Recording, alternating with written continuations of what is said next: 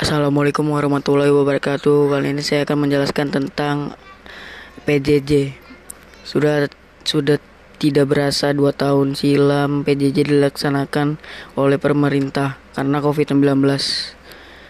Dan sampai saat ini PJJ pun masih dilaksanakan tapi tatap muka dilaksanakan dalam sesi 1 dan 2. Sudah tidak terasa saya berganti kelas dari kelas 6 eh dari kelas 5 ke kelas 6 dan berganti guru. Guru saya sekarang adalah Bunda Ati atau Suherarti dan pembelajaran saya saat ini adalah mencari bilangan pangkat 2 dan bangun datar. Saya mempunyai teman teman-teman di kelas saya yang sangat baik